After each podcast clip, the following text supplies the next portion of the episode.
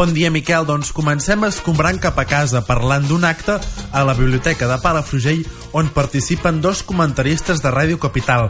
És una taula rodona aquest dissabte a les 6 de la tarda que tracta les habaneres des del punt de vista dels escriptors, moderada per Carme Fanoll. Hi participaran els escriptors Vicenç Pagès, Adrià Pujol, Rosa Regàs i Toni Sala. També a Palafrugell, si voleu anar al Saló del Manga, aquest dissabte a les 7 del matí surt un bus cap a aquest certamen a Barcelona des de l'aparcament de l'Institut Baix Empordà.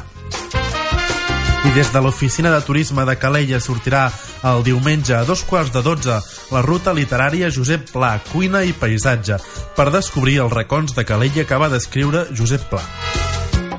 Ara ens movem fins a Palamós perquè el Centre Cultural La Gorga celebra 20 anys aquest dissabte al vespre amb una festa d'aniversari que tindrà lloc aquest dissabte a les 8 del vespre.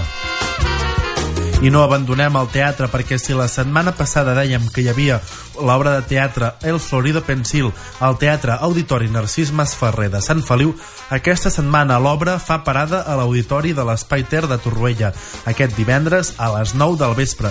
Recordem que és una obra d'Andrés Sopenya i qui dirigeix aquesta versió és Fernando Bernués. Mentrestant, al Teatre Mundial de la Bisbal, aquest diumenge a les 7 del vespre, les joventuts musicals ens porten al Quartet Cosmos, un quartet de corda que presenta un programa que recorre tres segles de repertori des del classicisme fins al segle XX. I acabarem parlant de castanyades, és temps de castanyes. A la plaça de l'Església de l'Estartit fan una castanyada popular i solidària aquest diumenge a les 6 de la tarda a càrrec de l'associació Vell Racó tir olímpic i de la Creu Roja. Mentrestant, també a Castell d'Aro fan una castanyada intergeneracional per unir grans i petits. Aquest dissabte a les 5 de la tarda al Centre Cívic Cala Rafaela. Miquel, doncs, amb les castanyes acabem l'agenda d'aquesta setmana.